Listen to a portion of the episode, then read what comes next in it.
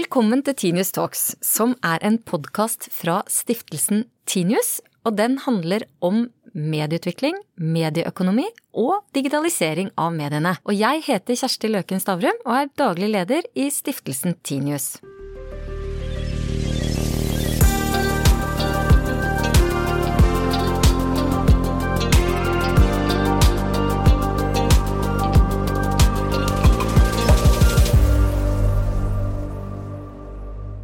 Dag skal vi snakke om presseetikk og det faktum at uh, veldig mange klager på mediene. Og, og, til å snakke om det med oss, så har vi invitert Ola Sigvarsson, som er allmennhetens presseombudsmann i Sverige. Velkommen. Takk så mye. Og Elin Floberghagen, som er generalsekretær i Norsk Presseforbund. Takk for det. Og da kan vi jo begynne i Sverige, kanskje, da. Fordi at dere har jo rett og slett rekordmange registrerte klager i 2018, dere.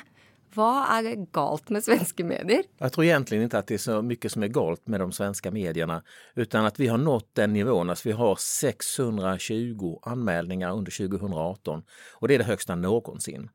Eh, og skälet til det, det tror jeg er at vi har vært veldig mye uppmärksammade det seneste året. Ikke minst på grund av eh, de uppmärksammade metoo-ärendena som vi har levererat under flere omgångar eh, under det gångna året. En erfarenhet som tidligere sier at blir vi mye uppmärksammade, omskrivna i medier og omdiskuterade, så får vi flere anmälningar. At eh, svenska pressen skulle generelt sett ha blivit sämre og förtjäna flere anmälningar, det ser jeg egentlig ingen tecken på. Metoo fikk jo en viss oppmerksomhet i Norge òg, men hvor mange klager fikk, det, fikk, norske medier på det? Fire, og det var jo ikke veldig mange. Eh, og vi har jo også fundert over eh, hvorfor det. Det lave tallet på klager. Tre av disse ble, ble felt i det siste møtet i PFU nå, nå, før jul.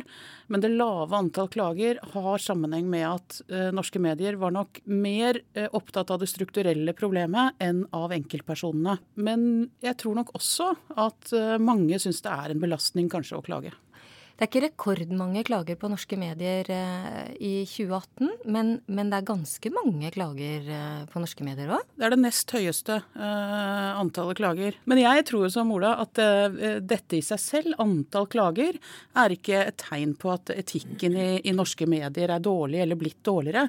Jeg tror det er et tegn på at ordningen er veldig godt kjent. Presseetikk blir mye diskutert i det norske samfunnet og i de norske mediene. Er det sånn i Sverige også, Ola? Ja, så er det. Jeg skulle nok vilja si at eh, jag har aldrig varit med om at det har vært så intensiva diskussioner om pressetik. Successivt skulle jeg vilja säga at medvetenheten om de pressetiska frågorna har ökat.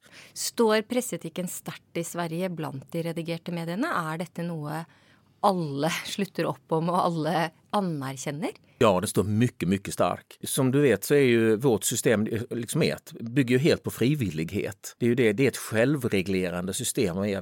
Vi støder oss ikke på lag, vi har inga tvångsmedel å ta itu mot tidningene. Men det hender nesten aldri, til eksempel, at en tidning ikke vil publisere om de har blitt felt. Og i Norge, Elin, er, er alle redaktør, norske redaktører like begeistret for, for presseetikken for PFU og når de blir felt? Eh, da vi la fram statistikken for eh, presseetikken i 2018, så hadde vi invitert, som vi ofte gjør, det mediet som da hadde blitt felt flest ganger. Og det er jo ganske interessant ikke sant, å si at dette er noe av det verste jeg har vært med på. Å stå i denne posisjonen, sier da redaktøren i TV 2. Og det er fordi at det er, det er eh, ikke en liste man vil toppe. Det er en liste som når man topper den, har behov for å fortelle hva gjør vi nå. Ja, ikke sant. Nå, nå sa du jo da at TV 2 er det som er felt flest ganger. Og det eh, høres jo ikke bra ut, nei. Det gjør ikke det. Men, men hvor mange ganger ble TV 2 felt? Nei, det er eh, De fikk eh, pådro seg tre brudd mot eh, god presseskikk og to kritiske uttalelser fra PFU i fjor. Eh, og av et totalt antall klager på, tror jeg å huske, 25. Noen mot uh, fiksjon, nyhet, og noen mot sportsdekning, og noe mot, uh, mot underholdningsprogrammer. Det er, ikke, det er, jo ikke, sånn vanvittig mange ganger, og det er heller egentlig ikke det man kanskje forbinder med brudd på presseetikken, nemlig klassiske brudd på altså, nyhetsjournalistikk? Nei, det var det ikke TV 2. Eh, det var jo bare én av de klagene som gikk på nyhetene. Eh, men det vi så, så da, og ser fra 2018, som er helt nytt hos oss, er jo, det gjelder da ikke TV 2, men det gjelder eh, de totale tallene, er jo at punktet 3.2 i PV Varsom-plakaten har jo hatt en dobling i antall fellelser i PFU. Og 3.2 er jo da kontroll av fakta, opplysningskontroll, kildebredde. Så du kan si at det som man tradisjonelt blir felt for, da, sånn som du ser det, er nesten kjernen i hva er journalistikk? Være sikker på at det er rett, eh, og ha den andre siden av saken. Hvordan er det i Sverige, Olav? Eh, hvem er det som topper statistikken for brudd i Sverige, og hva blir de felt for? Et vanlig ærende det er at tidningen har valgt å anonymisere, men ändå gir så mange detaljer til identiteten at en stor grupp ändå forstår det. Men här, även här så ser vi en väldigt tydlig trend av en annan sak som blir vanligare och vanligare. Det är när man granskar eh, till exempel chefer i skolor och i kommunala administrationer och sånt där. Utan man låter anonyma röster karaktärisera de här människorna. Säga att hon är en lögnare han är makthungrig, hon går inte att lita på. Alltså den typen av saker som har att göra, inte med händelserna och det som har inträffat, utan med människan som sådan. Där är vi väldigt känsliga. Det är alltså ett antal fall, eh, även nu i, i höstas, där tidningar har fällts för att man har gett röst åt beskyllningar som den beskyllde inte kan försvara sig mot. Hur ska man säga, nej, jag är inte makthungrig. Liksom, hur försvarar man sig? Men en tendens som vi har haft de senaste åren som är mycket tydlig, även om den kommer från låga nivåer, det är att, att äh, människor med, med, makt, alltså makthavare, vänder sig till oss och klagar. Och det är ofta väldigt komplicerade mål. Äh, med mycket advokater inblandade som för talan for sine respektive anmeldere og så. Ja, og Ellen, eh, da, da, statistikken fra PFU ble lagt fram i år, så var Gard Steiro, sjefredaktør i VG, en av de som snakket på arrangementet. Og han advarte jo PFU mot å bli en kamparena for disse profesjonelle kreftene som Ola nevner. Ja, men det er ingen tvil om at uh, både eh, antallet hva skal jeg si, eh, klager ført i pennen av advokater og andre som lever av å skrive klager, har blitt flere. Og det gjorde jo også at klagene ble voldsomt omfangsrike. Det Gard Steiro viste til, var jo at disse klagerne ofte skyter med hagle uh, og på alt som er publisert, og på all, brudd på alle punkter i Vær varsom-plakaten. Og i en stor dekning av en sak uh, så skal det veldig veldig mye til og ikke kunne finne noe som kunne vært mer presist. Det er nok særlig én sak som jeg husker på som var av den, av den, sorten, og det var en klage mot Adresseavisa, som var veldig omfangsrik. En klage på ca. 1500 sider. Det var så mange klagepunkter at det blir vanskelig for PFU, tror jeg, og, og for oss å løfte blikket og se, og se, det store bildet her. Og jeg mener Gard Steiro har et poeng i at det er en fare ved å gå for tett inn i alle detaljer. Samtidig så må vi passe på at vi skal være klagernes organ. Vi skal være det stedet klagerne kan komme til da, når de føler seg uh, urettmessig behandla. Og selv maktpersoner kan uh, med rette føle seg urettmessig behandla. Om jeg får dykke litt i, vår, vår statistikk, som ikke er offentlig så det her er et avslöjande. Så hade vi då alltså eh, det, flesta, eh, det näst största antalet fällningar någonsin. Det var 1985 då vi hade fler fällningar. Nu hade vi 86. Men om man tittar närmare på de 86 så är 45 av dem gäller tre TT-telegram som många tidningar har publicerat. Och sedan det, eh, de publicerades så har TT ändrat sina, alltså vår nyhetsbyrå, har ändrat sina publiceringsregler och eh, tajtat till dem. Så att man kan se dem som ett undantag. Sen har vi 19 stycken fällningar på metoo på olika tidningar. 19 stycken. Och kvar av de 86 är faktiskt bara 19 fällningar. Alltså på hela den svenska pressen under ett helt år. Kvällstidningar, morgontidningar, sociala medier där de agerar överallt. Så är det bara 19 fällningar. Och det är alltså extremt lågt om man väljer att räkna bort de här, vad man skulle kunna säga, undantagsfallen. Nå er vi innom metoo igjen, og jeg tror vi må kvittere ut den. For det gikk jo helt galt i Sverige. Hvorfor gjorde det det? Eller omtalen av metoo? Alltså vad som hände det var ju att eh, metoo bevakades inledningsvis, ungefär som Elin beskriver det i Norge. Att man tittade på det, det var mycket av de strukturella frågorna och man rapporterade och man försökte lyfta fram det centrala och det viktiga. Som ju var att det här med sexuella trakasserier och sexuellt våld inte är enstaka undantagsfall och rötägg utan att det är ett strukturellt problem. Sen då så i oktober, slutet på oktober, så började då faktiskt Expressen eh, som första tidning att publicera mycket eh, stora reportage som handlade om enskilda personer. Först kom Fredrik Virtanen och sen eh, tv-snickaren Martin Timell. Flera andra tidningar följde efter.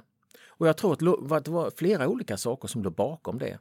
För det första så är ju så här att, att mixen eller cocktailen av begreppen kändisar och sex är, är väldigt eh, tilltalande för en, en, del, skulle jag kunna tänka mig. Alltså att det är lockande att följa upp det. Sen också fanns det ett väldigt starkt tryck från sociala medier där det fanns alltså en, en, en, en rörelse som ville att de traditionella medierna skulle namnge de här personerna som var utpekade och att man närmast sysslade med historieförfalskning genom att inte namnge dem. Och det trycket var hårt. Men det finns en tredje faktor som jag tror var ännu mer styrande. Och det är att, att eh, många svenska journalister och utgivare tyckte ju som de allra flesta att metoo var en jättebra sak. Och en jättebra sak, den vill man ju understödja. Man vill hjälpa till, man vill bidra.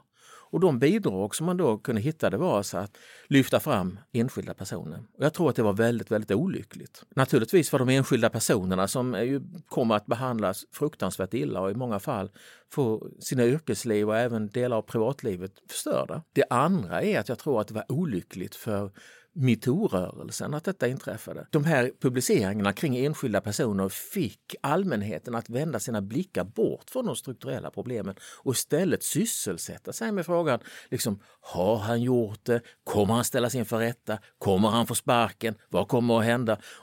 Och det är ju inte frågor som är av egentligen något djupare allmänintresse utan det är någonting som styrs av nyfikenhet. Det er jo veldig sterkt det som da skjer når man, man velger å navngi personer eh, for å angivelig ha gjort noe for lenge siden. Og så er sånn som Fredrik Virtanen er jo ute av, av arbeidslivet. Vi har jo også eksempler i, i, Norge på folk som fikk fornærmest en slags livstidsdom. Men hvordan, hvordan har mediene lært av dette, da? Det är det att man måste göra ett bättre journalistiskt arbete. Man måste belägga eh, de uppgifter man har på ett, ett, ett skickligare, eh, rent hantverksmässigt sätt. För det som förenar nästan alla, inte riktigt alla, men nästan alla av de här 19 metoo-fällningarna är att beläggen, bevisen, eh, uppgifterna är för svaga. Det ligger för långt tillbaka i tiden. Ord står mot ord, Inga andra fakta stöder det man vill säga. Det finns en nedlagd polisutredning och man kan inte förstöra en människas liv på grundval av en nedlagd polisutredning. Altså De tingene Ola nevner, Elin, det er jo, det er jo ting man generelt uh, kjenner igjen når det går litt over stokk og stein i redaksjonen. Man, man, man glemmer å tenke seg om hva er, hva egentlig fakta, hva er egentlig det som forankrer uh, det vi uh, publiserer. Men, men, men, norske medier hadde jo også konkrete historier de kunne ha liksom på en måte boltret seg. Men hvorfor skjedde ikke det på tilsvarende måte? Det er vanskelig å si. Jeg, jeg må si at jeg kjenner jo igjen mye av det eh, Ola beskriver her. Altså Presset for å navngi flere var jo også til stede i sosiale medier i Norge. Og man ønsket ikke sant, at, at mediene også skulle gjøre det. Nå skal vi ta den og den og den og den. Det var noe med liksom stemningen da dette kom, fordi at debattene kom med en gang. Hvordan dekker vi dette? Dette er kjempevanskelig å dekke. Hvordan beviser vi dette? Hvordan liksom belegger vi disse påstandene? Er, er det anonymt? Anonyme kilder, det er ofte unge kilder. Det har ofte skjedd for veldig mange år siden. Ofte står det ord mot ord. Da må man ta de nødvendige forbehold eh, og være eh, forsiktig før man publiserer konkrete påstander. Og så tror jeg, ikke sant, Vi har jo også, da, som jeg nevnte, hatt tre fellelser eh, på metoo. Men de tre er litt annerledes. ikke sant? For der ble ikke mediene felt. Dette var altså avisene i Tromsø, Harstad Tidende og Dagsavisen. Og de tre ble ikke felt pga. Eh, feil opplysninger eller identifisering av den omtalte, da tidligere nestlederen i, i, i Fremskrittspartiets Ungdom. Men de ble felt fordi de ikke tok med hans eh, kontradiksjon. At han faktisk avviste disse påstandene veldig tydelig fra starten. Og i, når dekningen var over mange artikler, og når den kommer senere, så, og de ikke har fått tak i han, så skulle de ha tatt med hans kontradiksjon for å opplyse leserne om at om at her står det faktisk eh, ord mot ord, som det jo gjorde i nesten alle disse sakene. De som blir utsatt for så sterk og så mange negative eh, medieoppslag over tid, og det bør, det bør pressen både i Norge og Sverige tenke mye over, mener jeg, er, er den belastningen man legger på enkeltpersoner, og, det, og, hvordan, og hva det kan føre til. Men presseetikken kommer jo til kort når det gjelder å vurdere nettopp det totale trykket. Det vil jo aldri skje at ett medium blir felt fordi det er så mange som har skrevet om dette, og nå ble det for mye. Nei, nettopp. Eh, og det er jo, det jo dilemmaet, ikke sant. Fordi i hvert fall vi, og, og også dere, behandler jo klager mot enkeltpubliseringer, mot enkeltmedier, og ikke mot det totale presset. Og nesten alle henvendelsene som kom til oss under metoo, og det var jo mange, mange flere enn de som faktisk klagde, var jo på det totale massive presset eh, mot enkeltpersoner. Eh, nå skal jeg prøve å ta en litt sånn snedig vei inn i en litt større debatt, Ola. Fordi eh, denne Virtan-saken, ikke sant, så ender den med både dette programmet i Sveriges Televisjon, som, som jo gjør at hvert fall saken blir stilt i et litt annet lys. Så skriver Virtan bok, og så får vi her i Norge innsikt i at den boken er det ingen i Sverige som vil gi ut, så den boken må gis ut i Norge. Og da er det jo en del i det, liksom, de, presseengasjerte kretser som tenker det er så typisk svensk offentlighet at man ikke vil da ikke sant, bli kjent med Virtanens eh, side av saken. Og nå kommer liksom det store bildet her. Vi i Norge har over tid de siste årene fått et inntrykk av svenske medier som, som langt mer villig til å skjule informasjon, ikke skrive om ting sånn som det er. Eh, særlig innenfor området innvandring og integrering. Så koser man seg over å kritisere svenske medier på det området. Er det noe som plager deg? I huvudsak inte. När det gäller Virtanen og och, hans bok så måste jag ju säga att, att eh, jag skulle vilja ha lite säkrare belägg innan jag går säger att påståendet att inget svenskt förlag vill ge ut den där boken är, är korrekt. Och dessutom så är det ju eh, inget konstigt. Debatten om Virtanen och hur han har hanterats har ju varit väldigt livlig. Jag menar, och i ett land som är så ängsligt som ni försöker framställa det som, då skulle det inte bli någon debatt. Då skulle man ju trycka ner det och hålla tillbaka det också. Men det ju faktiskt precis tvärtom det större politiska eh, eh, landskapet som, som, du talar om så är det kanske lite grann bortom det som jag sysslar med som, som, som pressombudsman. Men huvudsakligen så är det så att man väljer att skydda identiteten på människor eh, och deras etniska ursprung till exempel, så länge det inte har en, betydelse, en betydelse för själva ärendet. Så fort det har en betydelse så, så är det ju så att numera anges det. Så att eh, jag skulle vilja säga att det som du beskriver det är nog snarare er uppfattning om situationen i Sverige än den faktiska situationen. Sett i et enda større bilde, hvor, hvor det jo fins en slags kniving mellom Norge og Sverige, så er jo dette nedslående, Elin. Hvis det faktisk er sånn at eh, den norske debatten er feil, og at svenske medier er bedre enn sitt rykte, hva mener du? I høst så var jeg på et uh, seminar i, utenfor Göteborg, Segerstedtseminaret, som jo er et ytringsfrihetsseminar uh, til ære for Torgny Segerstedt og hans arbeid for ytringsfrihet under krigen. Og det, det var en ansamling av norske og svenske pressefolk og akademikere akademikere. Og temaet for seminaret var det trange ytringsrommet. Og hvor eh, ingen tvil om at, at, den norske og den svenske oppfatningen av ytringsrommet i de ulike landene var Altså det var en avgrunn mellom oss. Det ble et veldig konfliktfylt seminar. I Norge så vil jeg jo si at alternative medier i Norge vil jo mene akkurat det samme om norske medier. Altså Kjernen i debatten eh, oppfatter jeg er, er det du selv sier, Ola, at at man har, ikke, man har tenkt at det er en del bakgrunnsvariabler som ikke er relevant for brottet eller den kriminelle handlingen som er skjedd. Og det, eh, det er jeg litt nysgjerrig på.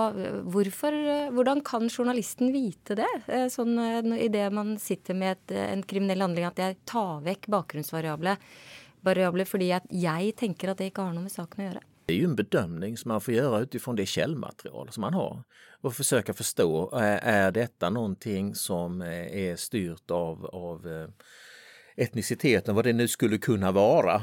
För jag tror ju nämligen att människor är människor var de än är på jorden. Eh, utan eh, det är i så fall snarare eh, vad situationen i ett, ett allvarligt brott till exempel har, har, medfört eller har lett till. När det gäller grövre brottslighet så finns det ju en väldigt stark tradition i Sverige av att man faktiskt namnger. Misstänkta mördare till exempel, kanske inte direkt när de grips men väl när de åtalas så är det ju väldigt vanligt att, att den som gjort sig skyldig till mord namnges så att man också redogör för den här personens bakgrund. Men om vi talar till exempel om ekonomiska brottslighet eller rån eller vad det nu kan vara för någonting. Brott som är väldigt allvarliga för den som utsätts för det men som trots allt inte går att jämföra med till exempel mord. Så har den, den svenska pressen traditionellt sett haft en större återhållsamhet när det gäller till exempel etnisk bakgrund. Man ska, vill inte stigmatisera rent politiskt enskilda människogrupper utan brottslighet är, ska kopplas till enskilda människor. Det är en del av rättssamhällets grundvalar faktiskt. Att inte peka ut grupper utan människor när det gäller eh, brottslighet. Eh, med din förklaring där nu så tänker jag det är en skillnad mellan norska medier och svenska medier i tänkningen runt det. Om man snur på det så var det för några år sedan eh, i Oslo ett stort problem med knivstikking i vietnamesiske miljøer. Livsfarlige hendelser. Og så skrev man det, og så ble det løst ved å få opp informasjonen om at det var vietnamesiske grupper eh, som sto for særlig denne kriminaliteten, så, så, og omtalte det, da, så, så, fikk man også løst det. Men eh, jeg tror at, at når, når virkelig et fenomen er koblet til en folkgrupp, da har man oppfylt kravet på at man skal kunne berette etnisiteten. Et motsvarende eksempel i, i Sverige er jo eh, marokkanske ungdommer som drev omkring kanskje noe hundratal utan att ha någonstans att bo, utan att ha någonstans att göra, utan att det fanns koll på dem ifrån, ifrån samhällets sida i centrala Stockholm. Och då berättade naturligtvis alla medier som skriver om detta, at det handler om marokkansk innvandring. Jeg, jeg tror de presseetiske normene er ganske like på dette området. I hvert fall eh, I Vær varsom-plakaten så heter det at man, man, ikke skal fremheve etnisitet hvis det er saken uvedkommende. ikke sant? Altså, men hvis det er saken vedkommende, som du nettopp beskriver, Kjersti, så, så eh, vil det jo være helt naturlig. Eh, men, men, jeg må også si at klagene på det punktet i Vær varsom-plakaten har jo også blitt flere, og fellelsene har blitt noe flere, på 4-3, da, eh, som, som handler om stigmatisering, om privatliv, om etnisitet og tilhørighet til gruppe. F.eks. For, for å trekke fram samisk tilknytning, uten at det hadde noe med, med, egentlig med saken å gjøre. Vi er i ferd med å gå inn for landing, men vi må snakke om en ting som ofte dukker opp når man, når man snakker om PFU eller Pressens opinionsnemnd eh, med folk, så er det at ja, ja, men hvilken betydning har dette da for mediene? Burde de ikke heller fått bøter? Eh, og, og, hvis de er så opptatt av presseetikk, hvorfor er de ikke flinkere til å rette når de har gjort en feil, men at man forsøker å gjemme eller gjøre rettelsene så små som mulig. Burde det svidd mer å, å gjøre noe feil, Ola?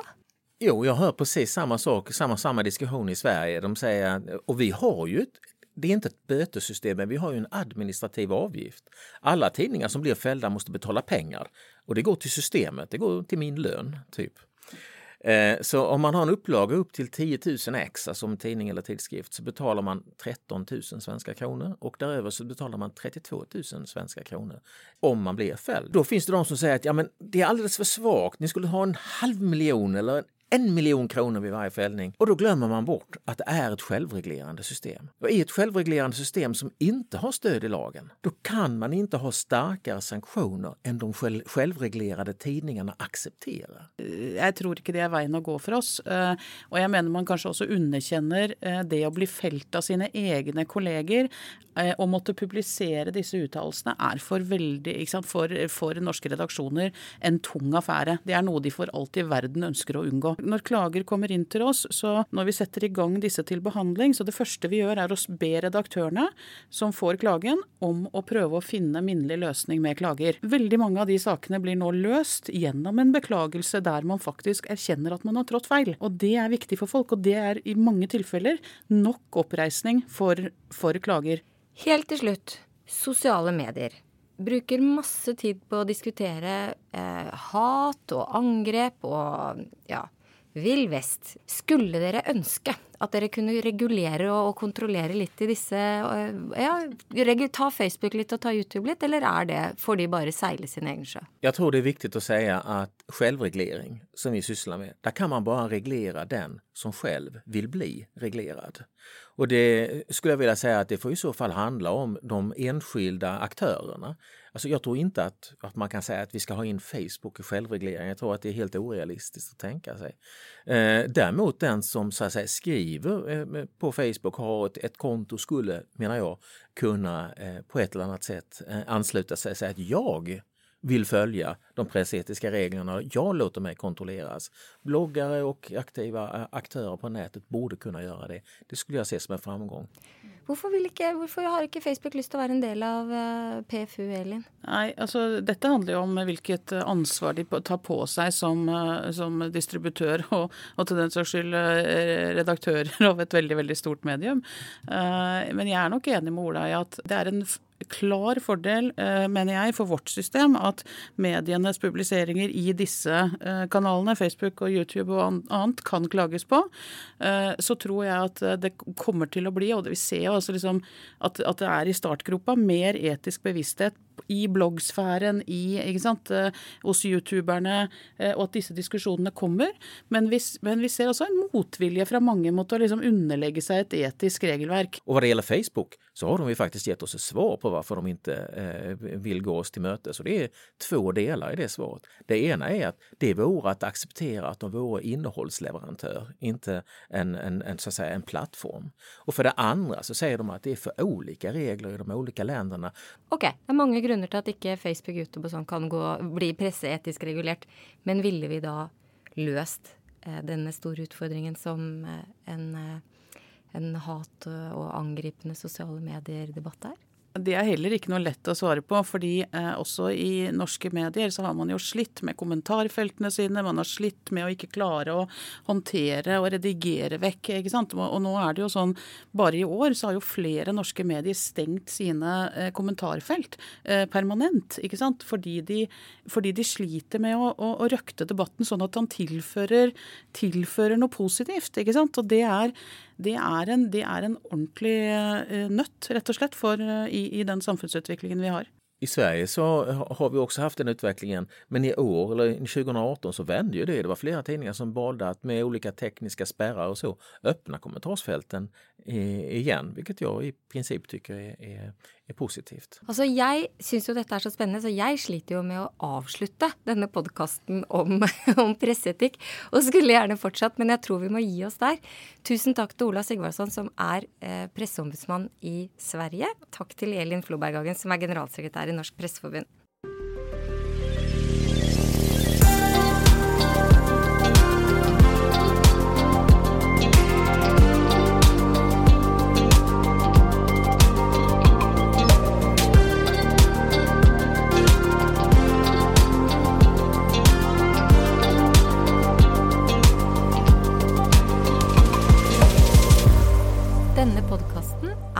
Produsert av Hansine Korslien for stiftelsen Tinius.